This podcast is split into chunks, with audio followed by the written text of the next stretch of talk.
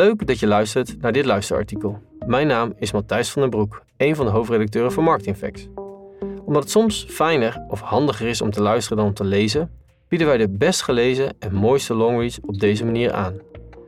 Mede mogelijk gemaakt door audio agency Airborne en een vleugje AI. Ik wens je heel veel luisterplezier.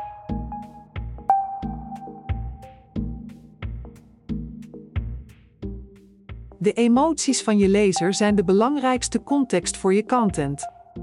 De auteur van dit artikel is Bouke Vlierhuis, B2B IT copywriter. Weet je wat mijn best geklikte mailonderwerpregel aller tijden is? Het is: hoe gaat het met je?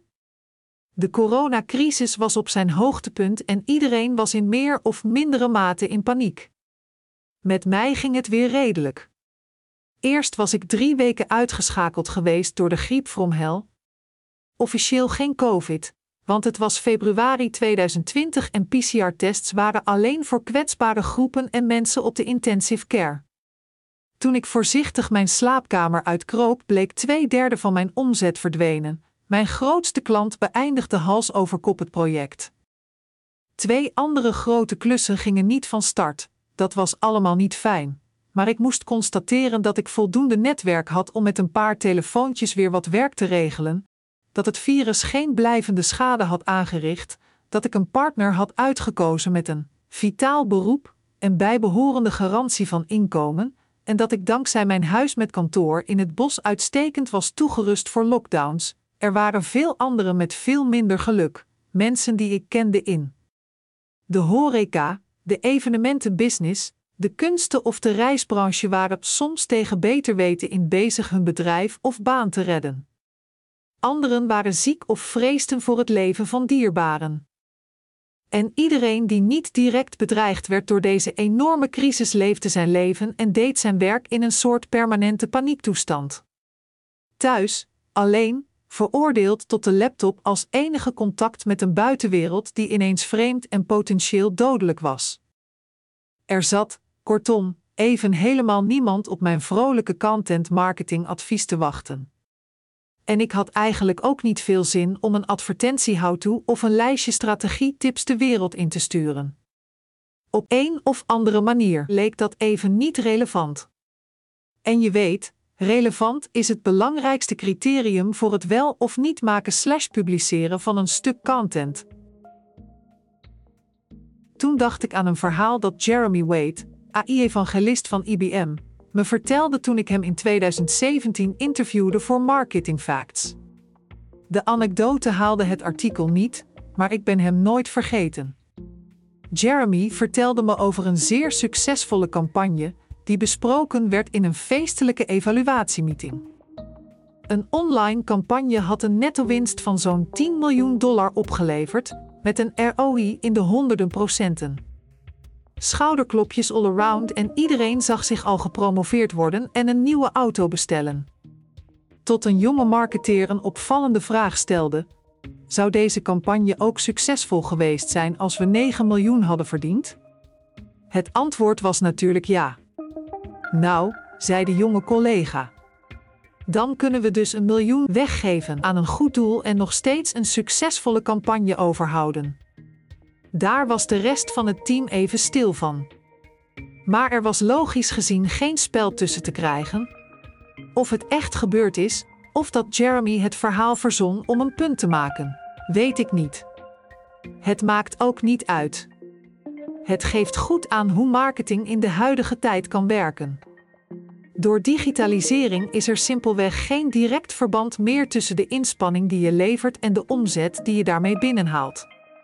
Grote, digitale bedrijven kunnen zo'n beetje zelf inregelen hoeveel winst ze maken.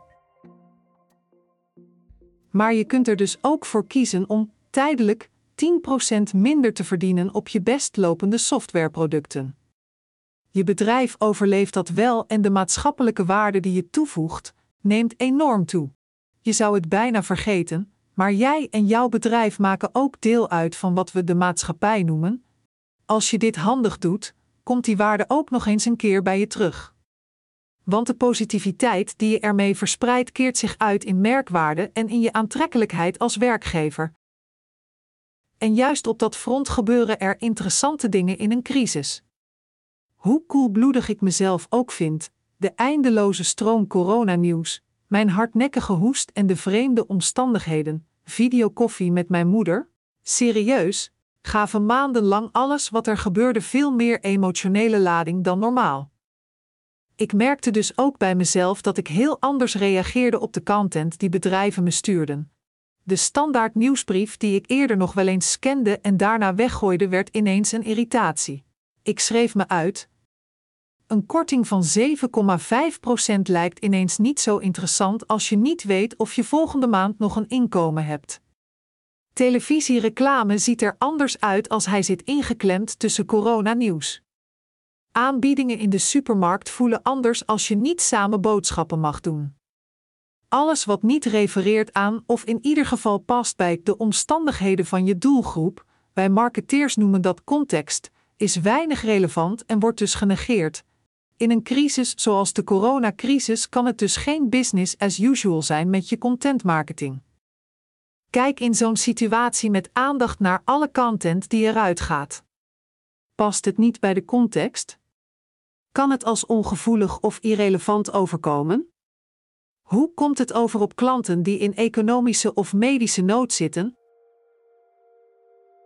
Als onderwerpregel koos ik dus de enige relevante vraag van dat moment. Hoe gaat het met je? Dichter Maya Angelou zei het prachtig: People will forget what you said, people will forget what you did, but people will never forget how you made them feel. Bovendien weten we, uit eigen ervaring en uit onderzoek dat emotionele herinneringen ons beter bijblijven. Een prachtig voorbeeld is mijn sportschool. Ik zat nogal te dubben of ik, nu de sportschool dicht is, mijn betalingen door moest laten lopen.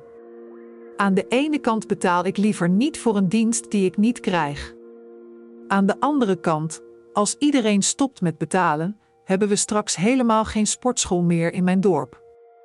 Terwijl ik zo met mezelf in discussie was, kreeg ik een mail. De sportschool bevroor alle betalingen tot hij weer open was. Ze stelden daar wel tegenover dat je pas weer mocht opzeggen als ze weer open zijn. Perfecte oplossing, rust voor iedereen en ik had weer één ding minder om me druk over te maken terwijl ik met koorts in bed lag. Andere voorbeelden, klein en groot. Een collega ZZP'er belde me om te vragen hoe het is omdat hij op Twitter gelezen heeft dat ik ziek ben. Een andere collega doet advieswerk in de uren die hij normaal op de weg zou zitten. Hij stuurt geen factuur, maar vraagt of je een donatie aan het Rode Kruis wil doen. Een klant van me geeft gratis ondersteuning bij het werken met Microsoft Teams voor online vergaderingen, omdat veel mensen, we kunnen het ons nu niet meer voorstellen, daar in het begin moeite mee hadden. Zelfs Dyson, het stofzuigermerk waar ik een enorme persoonlijke bief mee heb die ik hier niet uitgebreid zal uitlichten, wist bij mij wat merkwaarde te creëren door tijdelijk beademingsapparatuur te gaan produceren. Hebben deze bedrijven en ondernemers commerciële doelen met hun acties? Natuurlijk. Maar die hebben we allemaal.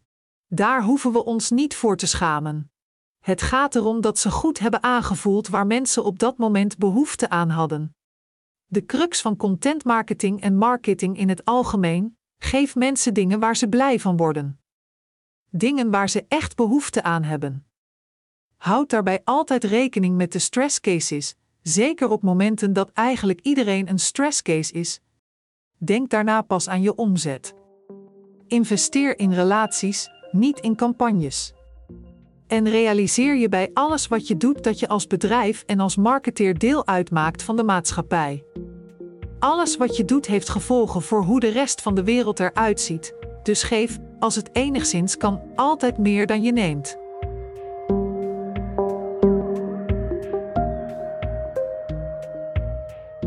Dit luisterartikel wordt je aangeboden door Marketingfacts.